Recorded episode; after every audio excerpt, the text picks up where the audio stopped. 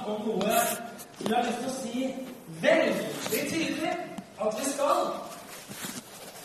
i 2013. Hør godt etter nå. Dette skal vi i 2013. Vi skal fiske. Skjønner du? Er kristen, da, kristen, så skjønner det handler om menneskefiske, ikke sant? Jeg skal nå være litt i tvil. Det er ikke alle som liker å fiske, jeg er klar over det. Men menneskefiske, det skal vi. Og jeg fikk ting til, men Tove han gjør det sånn fysisk. Vi må få noen barn. Tenker du det? Det er viktig å få barn. Det tar noen måneder fra du liksom bestemmer deg noen ganger til det kommer. Men bestemmer man seg for å få barn, så er det sånn at man ofte ender opp med å få barn. Men det er ikke alltid så det er ikke alltid så selvfølgelig at man får barn. Husker jeg, Vi gifta oss når jeg gifta meg. Det blir feil å si. Det er, man gifter seg med noen. Eh, Da vi gifta oss, Katrine og jeg, for eh, snart eh, 19 år siden blir det, så var det jo sånn at jeg hadde vokst opp sant, med mange fortellinger om det her, hvor, hvor utrolig fort gjort det var for barn. Jeg vet ikke om du fikk også mange sånne i tenåra. Hørte mange historier stadig om at oi, det var liksom det var one night stand, ikke sant? og så kom det trilling rundt tett. Og så de jeg at det var utrolig fort gjort å få barn. da. Så jeg husker når vi gifta oss, så Det mest naturlige var å tenke at om man er gift, da er det sånn at da får man jo barn hvis man gjør de rette greiene. Og det gjør man jo. Og så snakka vi da ganske fort om når skal vi få barn? Hvor fort skal vi få barn? Skal vi få barn med en gang, eller skal vi, skal vi vente med å få barn? Og vi fant ut at eh, vi, vi var jo liksom hadde litt fint å ha litt tid sammen, så vi bestemte oss for at nei, vi venter nok et par år før vi da bestemmer oss for at nå skal vi ha barn. Og så gikk det et par år, og så ble det sånn at vi da tenkte at nå, nå kan vi få barn. Men det kom jo ikke noe barn. Og så kom det ikke noe barn. Vi gjorde alt riktig, altså. Og det kom ikke noe barn. Og det gikk fem år, det gikk seks år, det gikk syv år. Og det kom ikke noe barn. Og da blir det sånn at eh, man begynner å lure litt. Altså, hvorfor skjer det ikke? Og folk begynner å spørre skal dere ha barn snart. Og ja, ja, jo, vi Jo, det blir jo det etter hvert. Og jeg er ikke så gammel ennå, liksom. Men saken er at det kommer jo ikke barn. Og da begynner man å undersøke litt nærmere hvorfor får ikke vi barn? Er det noe som er galt? Er det noe som ikke fungerer som det skal? Er det et eller annet som gjør at det her ikke fungerer? Og vi begynte på den prosessen der, for vi bestemte oss for vi vil gjerne ha barn. Det føltes liksom litt sånn tomt. Og kan jo være at du sitter her i salen som er i en situasjon hvor du ikke har fått barn og har ønsket deg det. Og jeg kjenner jo den følelsen, for den, den ble jo ganske sterk etter hvert som det ble åtte, ni og ti år, og det fortsatt ikke hadde kommet et barn. Og man tenker Hvordan blir livet hvis vi ikke får det? Det føltes litt tomt. Det var liksom ingen å gi noen ting videre til, osv. Men vi bestemte oss for det og satte i gang med å undersøke. Og så fant vi noen årsaker til at vi ikke fikk barn. Etter elleve år i ekteskapet, liksom sånn ni år etter at vi da hadde planlagt å få barn, så kom det da endelig Philip, og det var jo fantastisk. Og nå er han syv og et halvt år, og det er jo bare en enorm glede. Og så kom Andreas etterpå. Det har noe med at man bestemmer seg, tror jeg, og setter i gang i prosessen noen ganger. Vi kan spørre oss får vi barn. Har vi åndelige barn, da mener vi da mennesker som blir frelst. Mennesker som blir født inn i Guds rike og finner Jesus Kristus som Herre og Frelser. Jeg skal snakke litt av ett vers som jeg skal ta utgangspunkt i dag på. Det Matteus 4, vers 19. Og Jesus sier når han kaller disiplene, og han sier til dem Følg meg, så vil jeg gjøre dere til menneskefiskere. Er du klar for å begynne det nye året med en sånn retning på det her? Følg meg, så vil jeg gjøre dere til menneskefiskere. Med andre ord, Jesus sier når dere følger etter meg, og sammen sammen med meg, så kommer jeg til å gjøre sånn at dere blir menneskefiskere. Det her sa han til disiplene, men det er også noe han sier til oss i dag, tror jeg. Om vi følger etter ham, så vil Jesus at vi skal ende opp å være menneskefiskere. Og det tror jeg er et kall som han gir både til kirker og forsamlinger og store grupper av mennesker at man kan gjøre sammen. Jeg tror også det i aller høyeste grad er noe som er veldig personlig. For når Jesus sier det her, så sier han det til de personene, de disiplene, som han hadde kalt. Eh, nå er det sånn at det finnes mange forskjellige måter å fiske på, og det finnes mange forskjellige fiskebåter, og det finnes veldig mange båter i grunn. Og vi vet at der hvor fisken er, det er i sjø. Det er, eller der hvor det er vann. Innsjøer, elver, ute på sjøen. La meg holde meg til saltvannslivet, for det er der jeg føler meg mest hjemme. Men når jeg er på vannet om sommeren, hvilket jeg har vært i utrolig mange år, så er det sånn at jeg ser jo veldig lett hvilke båter som er ute for å fiske. Det er visse båter jeg vet ikke fisker på. Det er en enormt store plastbåter med flybridge og champagnestativer. De er ikke ute for å fiske. De er ute for noe helt annet. De er ute for å fiske garn. Og sjekke om det er deilig på fjorden, ikke sant, sammen med dama, ta en tur på sjømøl på havna. Sitte der og kose seg litt og ta en snaps eller middag ikke? Og de er jo aldri ute for å fiske. Der er det fine blomsterbuketter, og det er søtt, og det er pyntelig, og de går og polerer. Ikke det Vet du og det har blitt litt lite, så vet du at de folkene er ute og dytter ikke sant? for å holde den der skuta strømmen. De fisker jo ikke. Det er liksom ikke laga for det, for det blir grisete oppi plusjen hvis de fisker. Og det vil vi ikke ha. Ja, men er det ikke du har vært på danskebåt noen gang, eller på cruise. Noen av dere som kanskje har liksom mye penger, har vært på cruise. Det koster ikke så mye, for det koster ikke så mye penger å være på cruise. da. Da det bli som å være på cruise. Dra cruise er som han er kjempebra. Kanskje snart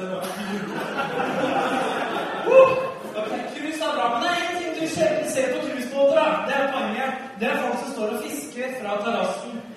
Da er cruisebåter på utsida egen. Det er danskebåten og cruisebåter en liksom balkong utafor, ikke sant, på langsida. Ser jo sjelden det. Folk som står og fisker der. De gjør ikke det, hvorfor det er på cruise. De er der for å nyte, det er for det deilig. Vi er for å stikke innom interessante havner og se på kulturen en tre-fire timer før vi kjører videre til neste øy og møter de her som ser et billig rolex-klokke på stranda. Men man fisker ikke fra sånne båter. Jeg ser veldig lett hvem som er ute for å fiske. Ofte så kan det være sånne enslige menn, innbitte menn på over 40 år, de små sameracere. Vet du hva sameracere er? Det er Askeladden 14 fot med seks hester på. De gjorde skjoldhyre. Kanskje med overlevelsesstress eller redningsstress hvis han har fått beskjed det er kona, men ellers så bryr han seg mye om det. Han er i hvert fall ute og fisker. Det er helt sikkert å sette tegnene på lure steder som han ikke forteller til noen for han skal gå av med død, døden omtrent på sjukehuset og kalle seg seg barnebarn og skrive det der er hemmelig romerspillet. kan ikke fortelle til noen. Men de vet hvor de skal fiske, og de fisker.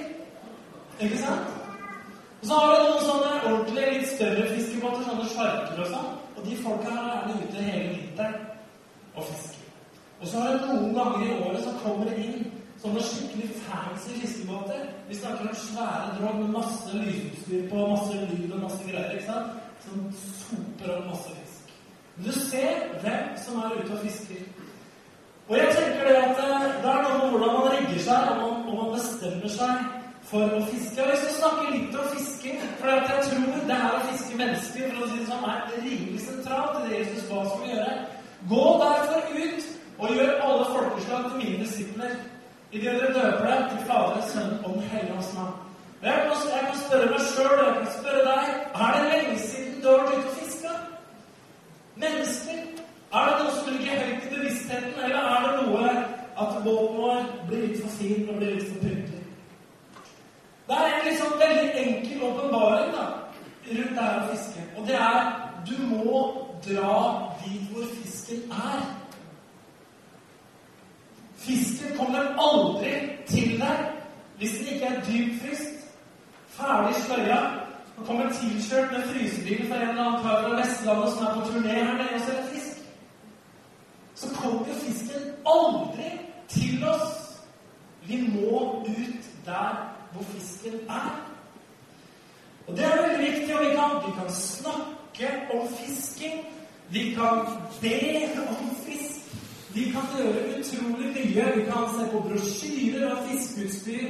Vi kan se filmer om store fangstopplevelser. Eller på jeg vet ikke, sendte For noen år siden hvert fall sendte noen sånne der, om fiskere fra Canadakysten. Amerikanske fiskere ikke sant, ute og fiska med enorme fisker. Det var dangerous catches og bare ute og fiske. Det var så tøffe de mannfolka at det var ikke måte på. Og, ikke sant? Men du kan se, vi kan jo se på alt det her. Men vi får ikke fisk før vi drar ut og fisker sjøl. Vi må jo ut der hvor fisken er. Det er en veldig enkel åpenbaring, men sånn er det. Jesus, som vi hørte den sangen som er sunget her i, i Lukas 7, 34-29, han var synderes og tolleres venn. Og jeg vet, det har vi snakka mye om, det er viktig det her å ha relasjoner som er utafor den kristne kretsen. Skal du fiske, så må du dra der hvor fisken er. Man må være akkurat der hvor fisken er, for å få fisk. Og det er spørsmålet, utfordring nummer én. Er du der hvor fisken er? Er du i kontakt? Er du i det området hvor fisken er? Hvor det er en mulighet til å få fisk? Er det der det er mulighet til å treffe mennesker som ikke har med Gud å gjøre, osv.? Men saken er, kjære venner, at det er jo sånn at vann betyr ikke nødvendigvis fisk. Vi tenker fisken er i vannet, jeg drar ut på vannet, jeg er en del av verden, jeg liksom er rundt omkring, og så, og så kommer jeg til å fange der. Alle som driver med fisking, vet at fisken er ikke overalt. Det er visse steder fisken er. Spesielt en viss type fisk. For eh, noen fisk det er såkalt vandrende fisk, ikke sant? Som, eh, som, som er i stim. Sånn som sild, eh, makrell Jeg kommer ikke på flere, er sikkert mange flere, men jeg husker i hvert fall. Sild og makrell er stimfisk som beveger seg i ganske stor fart rundt omkring, og du vet ikke egentlig alltid hvor den er selv om det er noen steder er større. Når den går i stim. Så er det annen fisk som er, den står. Og hvis du har, eh, hvis du på båten, det er sånn hvor du kan se liksom, hva som skjer på båten og sånn, så ser du det at gjerne der det er flat bånd, sjøbånd, så er det det er sjeldne fisk. Det er sjeldne fisk. Det er ett sted en viss type fisk står, og som de bare holder seg, og det er der det er skjær. Alltid når det er skjær, så er det sånn at der er det fisk som står. Skjær Ofte så er det ikke stimer står aldri ved skjær. Det står gjerne enkeltfisk ved skjæret. Torsk kan stå og sture litt ved skjæret. skjær. ikke sant? Annen type fisk kan stå ved et skjær. Skjær er ofte forbundet med, med fare. er det ikke det? For, vi som, for oss som kommer med båter, så er det de vil gjerne ikke gå på et skjær. Fordi på et skjær så går det hull i båten, og da synker vi, og så blir det masse greier. Skjær for oss som er liksom oppe i båten, representerer problemer, vanskeligheter fare. Og så er det sånn at det er enkeltmennesker noen ganger så er det mennesker som kan ha havna ved et skjær. De kan kanskje ha på en måte krasja med et skjær. De står der, de har problemer. Det fins enkeltskjebner som du og jeg kan møte, hvor mennesker på en måte har stranda ved et skjær. Det kan være mennesker som har problemer kanskje med økonomi, med ekteskap, med relasjoner, med alkohol, med rus med vanskeligheter, vanskelig livssituasjon som måte står der og ligger litt skibret ved et eller annet skjær. Og hvis du skal fiske ved et skjær, så må du være innstilt på å gå veldig tett på det skjæret. Så må du kunne ligge der kanskje en stund med agnet ditt og være tålmodig. Du må ligge stille, du må være nærme der hvor den fisken er. Og så kan du etter hvert dra opp Sånne mennesker finnes det som blir funnet. Og noen organisasjoner og noen menigheter er eksperter på å fiske mennesker som står ved skjær. Som er der. Folk som har vanskelige enkeltskjebner osv. osv.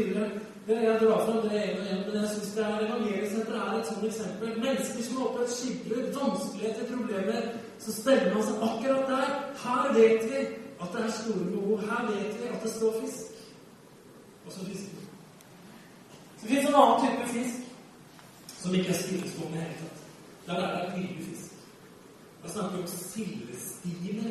Her snakker vi om makrellstimer. Der hvor mengden går. Hva er det som kjennetegner mengden? De står, mengden og massen, mengden, står sjelden stille. Det er i stor fart, er det bevegelse. Samfunnet vårt beveger seg fort. Trender beveger seg fort osv. osv. Og det var sånn, ja, Da nytter det liksom ikke å, å fiske med liksom bare en sluk. altså Når du skal fast fange i stil, da må du ha skikkelig garn. Da må man plassere seg der hvor stimen går, og så kan man få enorm fangst. Men da må du også ha en skikkelig stor båt som du kan dra ting opp i. Jeg husker en gang eh, jeg var 14-15 år, at jeg hadde en kamerat som hadde en ram av plast-16. Og vi skulle ut og fiske. Han hadde fått lura til seg på en måte 150 meter sildegarn.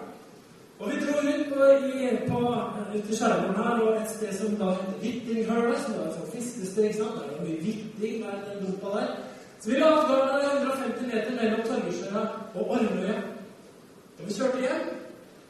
14 år. Og neste dag så skulle vi tilbake og sjekke åssen det hadde gått. Og det glemmer jeg aldri. For at vi begynte å dra i gang, så lurte vi først om det var noe gærent. Sitter det fast, eller Den var så enormt med fisk. I det garnet. Det hadde gått en hel sildestim, en kjempe sildestim i 150 meter hver. Og vi begynte å dra det her, og det var liksom, Alle maskene var fulle av fisk. Det var smekkfullt. Og vi dro inn, og vi dro inn, og vi dro inn. Jeg vet ikke hvor mye vi fikk, men båten var omtrent som drukna. Vi skulle innover. Det var sikkert et par hundre kilo med sild. Jeg det var sild på kjøkkenbenken, men det var der er sånne skjell som går av. Som er vanskelig å få etterpå. Kan tenke deg hvor gøy det var å bli båten til. Eh, og vi fikk så utrolig mye fisk. Og vi kjørte inn og sa Hva skal vi gjøre da? liksom? Dette er mer enn mamma kan ha i det sånn.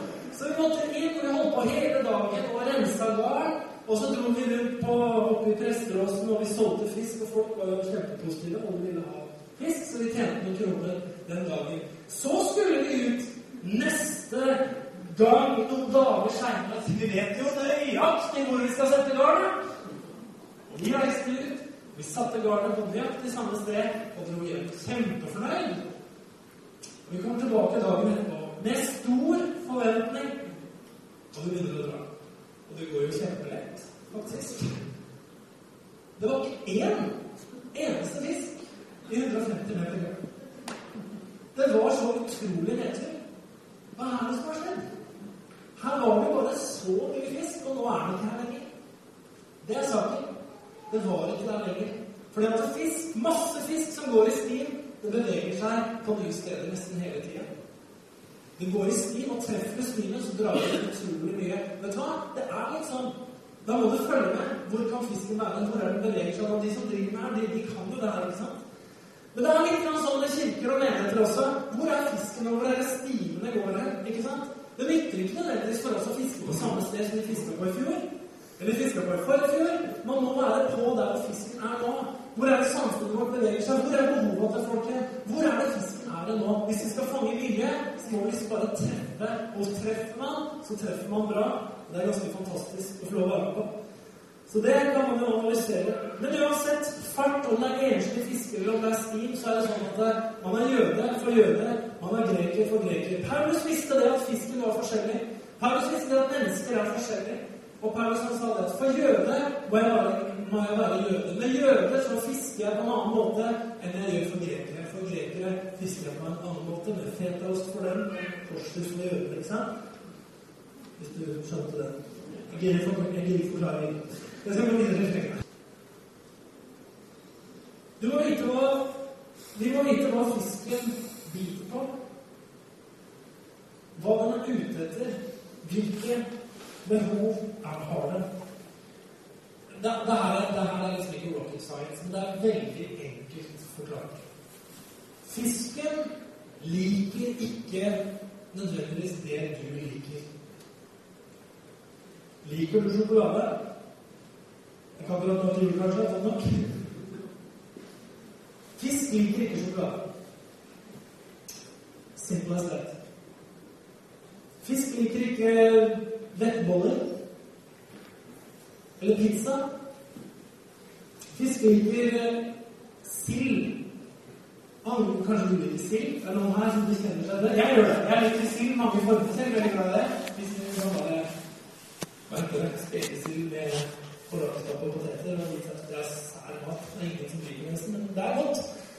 Men fisk liker visse ting, og så er det visse ting de ikke liker. Og veldig mange ganger vil de kristne at de som ikke er kristne, skal like det samme som de liker. Og så liker de ikke det. De liker andre ting.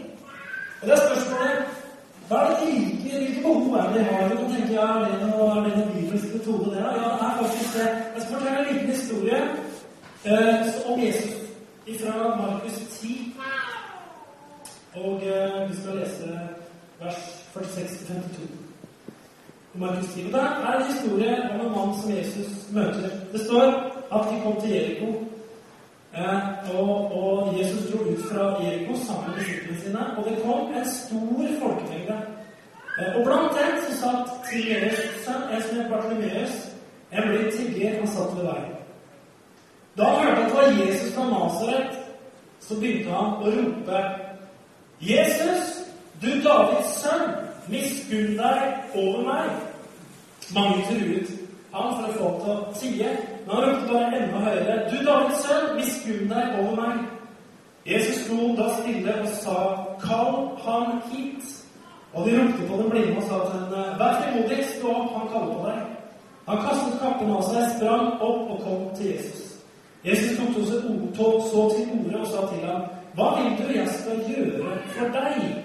Den blinde sa til ham, 'Rabuni, at jeg må få synet igjen.' Jesus sa til ham, 'Gå bort, din tro har frelst deg.' Og straks fikk han synet igjen og fulgte ham på vei. Denne mannen her, Bartimeus, han sitter her og han lider. Eh, og Det står beskrevet at han har to veldig synlige behov. To veldig tydelige behov. Det ene er han er fattig.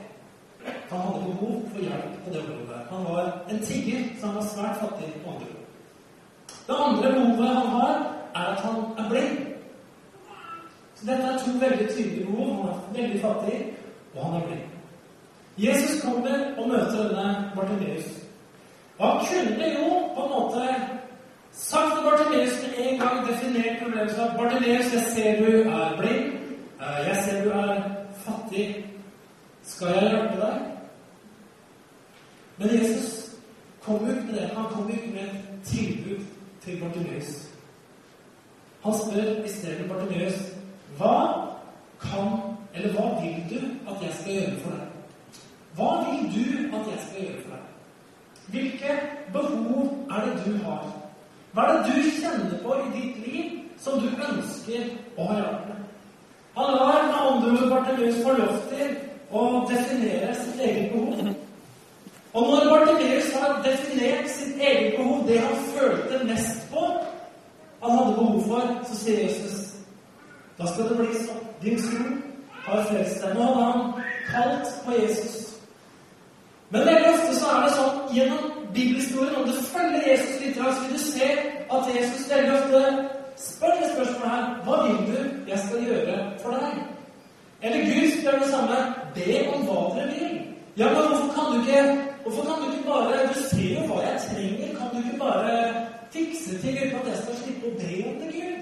Men Gud sier allikevel be, og du skal få.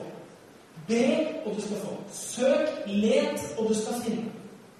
Bank på, og det skal lukkes opp for deg. Ja, men hvorfor kan du ikke bare lukke opp, da?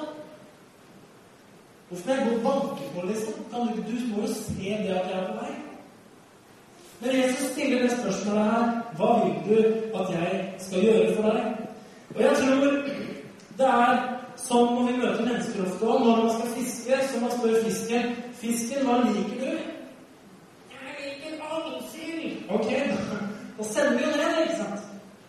Så er det det fisken biter på. Den biter på den angstsilden som den liker. Det samme er når vi møter mennesker, og vi skal vinne mennesker. Så er det sånn at det ofte starter med at vi betjener et behov som de føler de har. Ja, men det er ikke sikkert de føler ting som gjør at de blir frelst. Allikevel så betjener Jesus så mange mennesker med behov de føler de har. De kom til Jesus fordi de var syke, de trengte helbredelse i kroppene sine osv. osv. De kommer til ham, og de har et behov de selv har definert. Så sier Jesus det behovet tar jeg på alvor. Og i neste runde så er det sånn at han leder dem inn i Guds rike. Det var sånn ofte disiplene gjorde også når de var ute og fiska. Så det ikke er så utrolig vanskelig. En mann som heter Philip Vi kan lese om han i Apostles gjerning 8. Philip, en evangelist, han kommer ned til en by i Samaria, og så står det at han dro ned dit og helbredet sykdommene deres. Og mange kom til tro. Fordi de fikk betjent et behov de følte de hadde, et behov de selv definerte at de hadde. Mange ganger så er det ikke det første som skjer når man skal fiske, at man kanskje forsyner evangeliet til dem, men at man betjener et behov som mennesker har. Hvilket behov er det naboen din har? Hvilket behov er det arbeidskollegaer av deg har? Er det noe vi kan gå inn og betjene på? Er det noe vi kan gå inn og hjelpe til med? Finnes det ensomhet? Finnes det dårlig selvtillit? Fins det sykdom? Fins det behov for trygge voksne? Fins det rusmisbruk? Fins det fattigdom? Finnes det hjelp? Finnes det noen som trenger hjelp til noe med kjøring? Hva som helst. Noen ganger så må folk få lov å det fungerer et behov sjøl, så vi går inn og betjener. Det er ånden veldig ofte som folk kan lite på, og Jesus gjorde det masse. Det er noe vi bare kan bli så mye flinkere på og se oss rundt omkring. Hvilke behov er det som finnes rundt oss? Hva er det vi kan være med og betjene? Hva er det vi kan være med og gi? Finn behovet og betjene, så har du veldig stor sjanse for å få fisk. Så er det sånn at når man skal fiske Jeg vet ikke hvor mange av dere som har vært liksom og fiska litt sånn, men noen fisk den biter veldig hardt i kroken. Mens annen fisk den sitter veldig løst. Hva det er Jo, det at noen biter skikkelig, ikke sant? så kroken virkelig sitter langt inni halsen på deg. Og så er det noen hvor kroken bare sitter så vidt i leppa. Felles for alle fisk som skal opp på land, det er at det finnes en viss motstand. Jeg tror laksefisker vet noe om den. De står jo utrolig lenge. En laksefisker tror jeg det er en sånn at hvis du drar for hardt og bruker for mye av egen kraft, så kan du miste fisken. Noen fisk må man kanskje bruke litt lang tid på å få om bord. Men det kommer om bord bare man er tålmodig nok. Jeg tror at når Jesus snakker om det å være ute i verden sånn som Jesus er, så var det, det er liksom noe som er litt sånn hårfint med Jesus og menneskefisking. Hør nå. Så høyt har Gud elsket verden at han ga sin sønn den eneste. Jesus elsker verden. Samtidig så sier Skriften 'elsk ikke verden' og de ting som er av verden. Hva er forskjellen på det? Jeg tror at veldig mange kristne i vår generasjon har mange relasjoner i verden. Og det er veldig bra. Det er veldig bra. Jeg tror veldig mange kristne i dag var jeg som skrev en kronikk i Aftenposten eller en heter sitt eget stykkevesen. Altså. Eh, essay var det. Et essay. Eh, og han skrev om det her at de kristne de ser ut som deg og meg, og du tror at de er like som oss, men de er ikke det. Det er helt riktig. De tror bl.a. at Gud har skapt verden av mange ting vi tror på. Gjør. Han var sønn av en pastor. Så han har på en måte gjennomskua oss. De er helt vanlige, de er midt iblant oss. De snakker som oss, spiser som oss, gjør som oss, men allikevel, de er helt annerledes. Det er sant, tenkte jeg. Det er helt sant. De er annerledes. De tror på en del andre ting. kan du si. Men så kan det jo bli sånn at det er flott, det. At vi lever åpent, at vi er en del av samfunnet. Men så kan det jo bli sånn, da, at vi glemmer totalt at det handler om en evighet for mennesker. Det handler om evig død eller evig liv. Det handler om evighetsskjebnen til mennesker. Det er derfor Jesus kom. Det var jo for at mennesker skulle bli frelst. For å føle fra døden til livet. Og så kan vi bli der at vi kanskje glemmer helt det her med at det er noe med å bestemme seg for å fiske. Jeg vet det sjøl fra mitt eget liv. Det har vært perioder hvor jeg har bestemt meg for å fiske. Og så har det blitt fisk av det. For det er noe med det der å dra inn fisken som er i kunst. Jeg husker en forkynner brukte det her som bilde en gang. En venn fra Betania som heter Stian Ludvigsen, han fortalte at han var ute og fiska. Han hadde dørja. Hvis du vet hva dørring er, så er det sånn at du kjører med båt sakte, og så legger du ut snører hvor det er mange kroker på, et godt stykke bak båten. Gjerne et par snøre, så kjører du sånn sakte. Veldig koselig måte å fiske på. Du bare koser deg og kjører en båt og kjenner på snøret og sånn. Og han hadde vært ute og dørja, fortalt, hele glemmer aldri det. Og han hadde begynt ute tror jeg. Han hadde hivet ut snøret og han kjørt av gårde. Og så hadde det vært så koselig på den turen, vet du. Så han, hadde, liksom, han glemte at de snørene hang bak der, så han var omtrent inne ved havet i Tønsberg for å komme på en snøre er han ut de der dørgsnørene. Så dro opp snørene, og da fant at det ikke flere makreller på. Og det hadde hengt på lenge, for så de så ut som trengte polbåter omtrent. Og så tar man ut og drar opp fisken, ikke sant? Men det er jo noe med det at vi kan jo glemme da, å dra, dra i fisken. altså Ta den siste liksom, aktive den siste aktive biten der. Åssen er det med meg og deg, med folk vi har snakka om med Gud? Vitna kanskje ganske mye for, som med med. Altså den der, den der siste Å få dratt folk over ripa. Vet du, Det er et veldig kritisk punkt i fisking. Det er veldig greit så lenge fisken er nede i vannet, men akkurat den der avstanden mellom vannflata og ripa på båten, det kan være en spørsmål hvis du er samerett, så er det bare så høyt. Hvis, hvis du har litt større båt, så er det kanskje litt høyere det. Da er det sånn at jeg ble introdusert for et redskap en gang Det var da jordmor begynte å fiske, som het klepp. Noe som heter for? En klepp er en kort trepinne med en sånn jernkrok på. Det er bare en brutal krok, altså. Og Første gang jeg fikk den kleppen, så sa kameraten min ta den kleppen her. Hva er dette? Jo, akkurat når jeg drar opp fisken, skal du bare smekke den kroken inn i fisken. Ja, mener du bare sånn Ja! Klin ned! Og få den over ribba. Eller du kan ta håp, da. Men du brukte klepp. Vet du hva? Det er et kritisk øyeblikk. Akkurat der man kan ha folk nesten inne. Man kan ha folk nesten på kroken. Og så er det siste litt brutale øyeblikket når du faktisk skal over ribba. Smakk! Og det spreller som bare det. Og det gamle livet gisper etter pusten. Så er det bare å klikke det hodet, så er det gamle livet over. Amen! Det er, det er fisking, altså. Ja, vi snakker fisking her. That's life. Ja, men det er en kritisk fase. Det å bli frelst Det er liksom ikke sånn der Ja, nå ble Nå ble jeg visst frelst her. Altså, det er ikke ingenting. Det er jo det er en viss Husker du når du ble frelst sjøl, eller? Er det noen som husker det? Var det liksom bare Å, jeg gikk inn på et møte, og jeg kom inn, jeg lurer med Tror jeg er frelst, kanskje? No. Det var jo ikke sånn. I hvert fall, det er en ganske bevisst greie som skjer. at i hvert fall for meg så var det en veldig sånn Jeg gispa i hvert fall ganske mye til luft og det ga meg litt for sent. Og så får man noe nytt. Ja, det er en nydelig filet på tallerkenen. Men saken er at det der kan være det øyeblikket Det hjelper ikke. Og jeg har, jeg har mista fisk som jeg har hatt opp av vannet, som akkurat like. Husker du så 20 kilo torsk der? Det kan glippe akkurat når jeg skal over ribba. Her er en fisker som heter naboen min danske venn. Han driver fisker, han kjenner alt jeg snakker om her.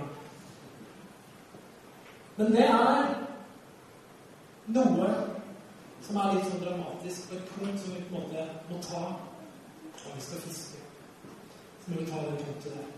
Jeg har hatt mennesker jeg har gitt meg mye for. Jeg skal fortelle om en gutt som et Morten, som ble frelst. Jeg skal begynne å lande, altså. Kristian kommer til det. Saken er at uh, for ganske mange år siden så så starta vi en menighet som heter Galilea. Og så hadde vi det fint. Men så gikk det en stund, og det gikk et år. Husker et spesielt år hvor vi så tilbake, og så sa vi det har ikke blitt noen frelst i denne forsamlingen det året. Det har ikke blitt noen frelst i denne forsamlingen det året. Da husker jeg vi satt oss ned og tenkte at det, det går ikke. Det går ikke an at vi som kristen forsamling ser tilbake på et år og ingen har blitt frelst. Da må man bestemme seg for å fiske. Så begynte vi en prosess hvor vi hadde bestemt oss for å fiske. Og den prosessen leda til at vi bygde mange små samereservat. Små båter med færre folk oppi som dro ut for å fiske. Det var ikke trålere, men det var i hvert fall små båter som kunne dra ut på steder hvor det sto fisk. Og det var smågrupper. Var cellegrupper. Og jeg hadde en sånn cellegruppe, og vi starta flere sånne cellegrupper, smågrupper, altså grupper i hjemmet. Og det siste året som vi dreiv med den forsamlingen før vi ble bykirken, så ble det én frelst fra scratch hver måned et helt år. Det var moro. Men det begynte fordi vi hadde fått bestemt oss for at vi skal fiske. Jeg husker en som het Morten, som er en fyr på gruppa mi, på husgruppa mi, hadde treffet et eller annet sted. Og han var, altså Det her er bare tilfeldig, men de var fiskeinteressert, men han var andre fisking. Så de snakker om det, når vi treffer mennesker, så ønsker vi som ikke tror på Gud, så ønsker vi å fiske dem. Vi ønsker å se at mennesker kommer inn i Guds rike. Noe mer enn bare liksom at vi er hyggelige mennesker. Så en på gruppa mi som Frode, han bestemte seg for hva er det du liker å gjøre? Jo, han likte å fiske. Det han også. Så de begynte å dra ut og fiske på ordentlig, som, som vanlig fisk. Når de hadde gjort det noen ganger, så inviterte han Morten på gruppa vår som vi hadde i sentrum her i Tønsberg. Og han kom dit, og han drakk kaffe med oss, og han traff oss, og han hørte litt på noe av det vi snakket om fra Bibelen og sånn, og syntes det var litt sånn uvant og rart. Men han Frode han dro ut og fiska med flere ganger, og var sammen ganske mye. Og så sier han Frode til meg, etter at det har gått en god stund, så sier han at jeg har fått veldig fin kontakt med Morten. Det er bare det at jeg, får liksom ikke den derre siste liksom At han skal bli frelst, det, det føles så vanskelig for meg å få til. Så var det en gang Morten ble med på gruppa igjen.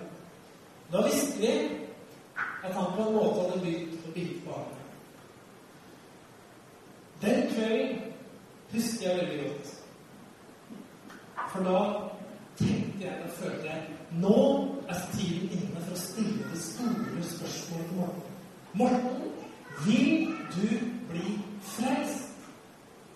Vil du ta imot Jesus som frelser? Og det hadde vi ennå ikke stilt Morten det spørsmålet. Men den kvelden så stilte vi Morten spørsmålet. Morten, vil du bli kristen? Vil du bli frelst? Vil du ta imot Jesus? Og vet du hva Morten svarte? Ja.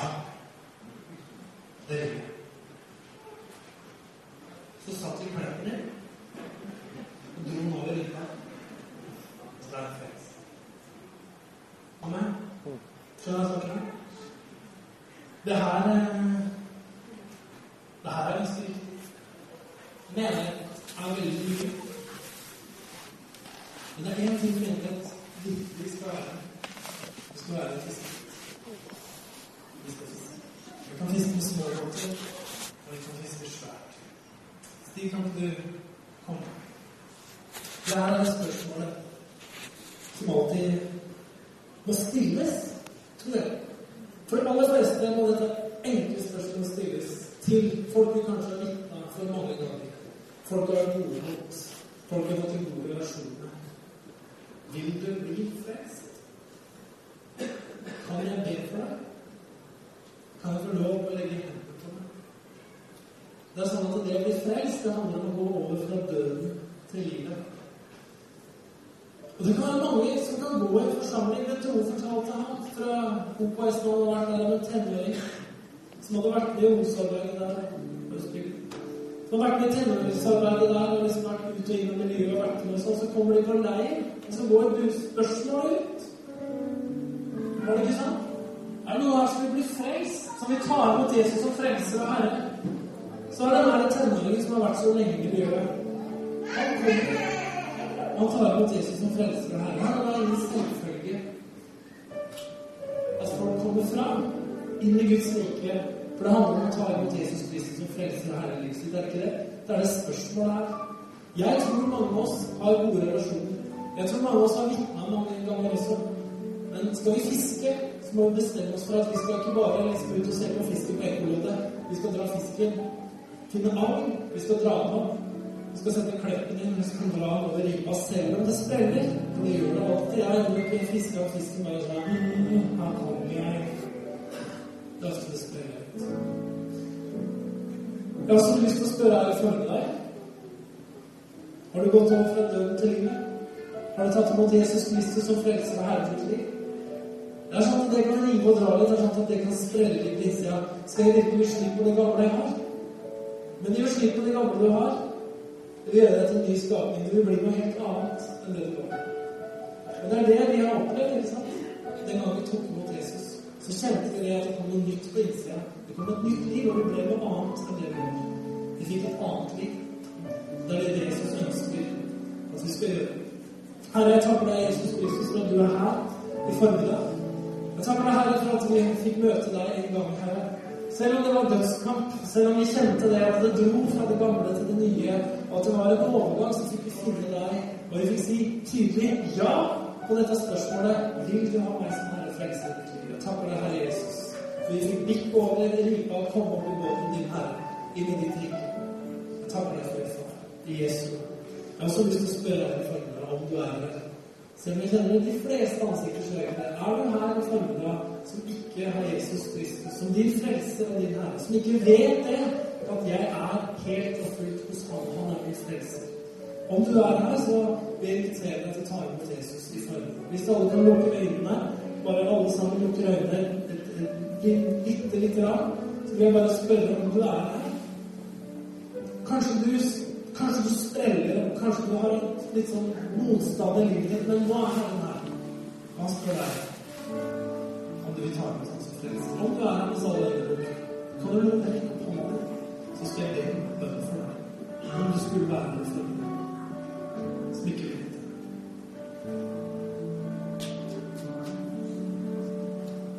Herre, nå takker deg for tida som ligger foran. Takk for året som ligger foran. Hjelp oss å jobbe, hjelp oss å sende ut båter og oss selv på denne måte, her, og til å bli gode menneskefiskere. I Jesu ekte navn. Alt folket sa Amen. Gud velsigne deg.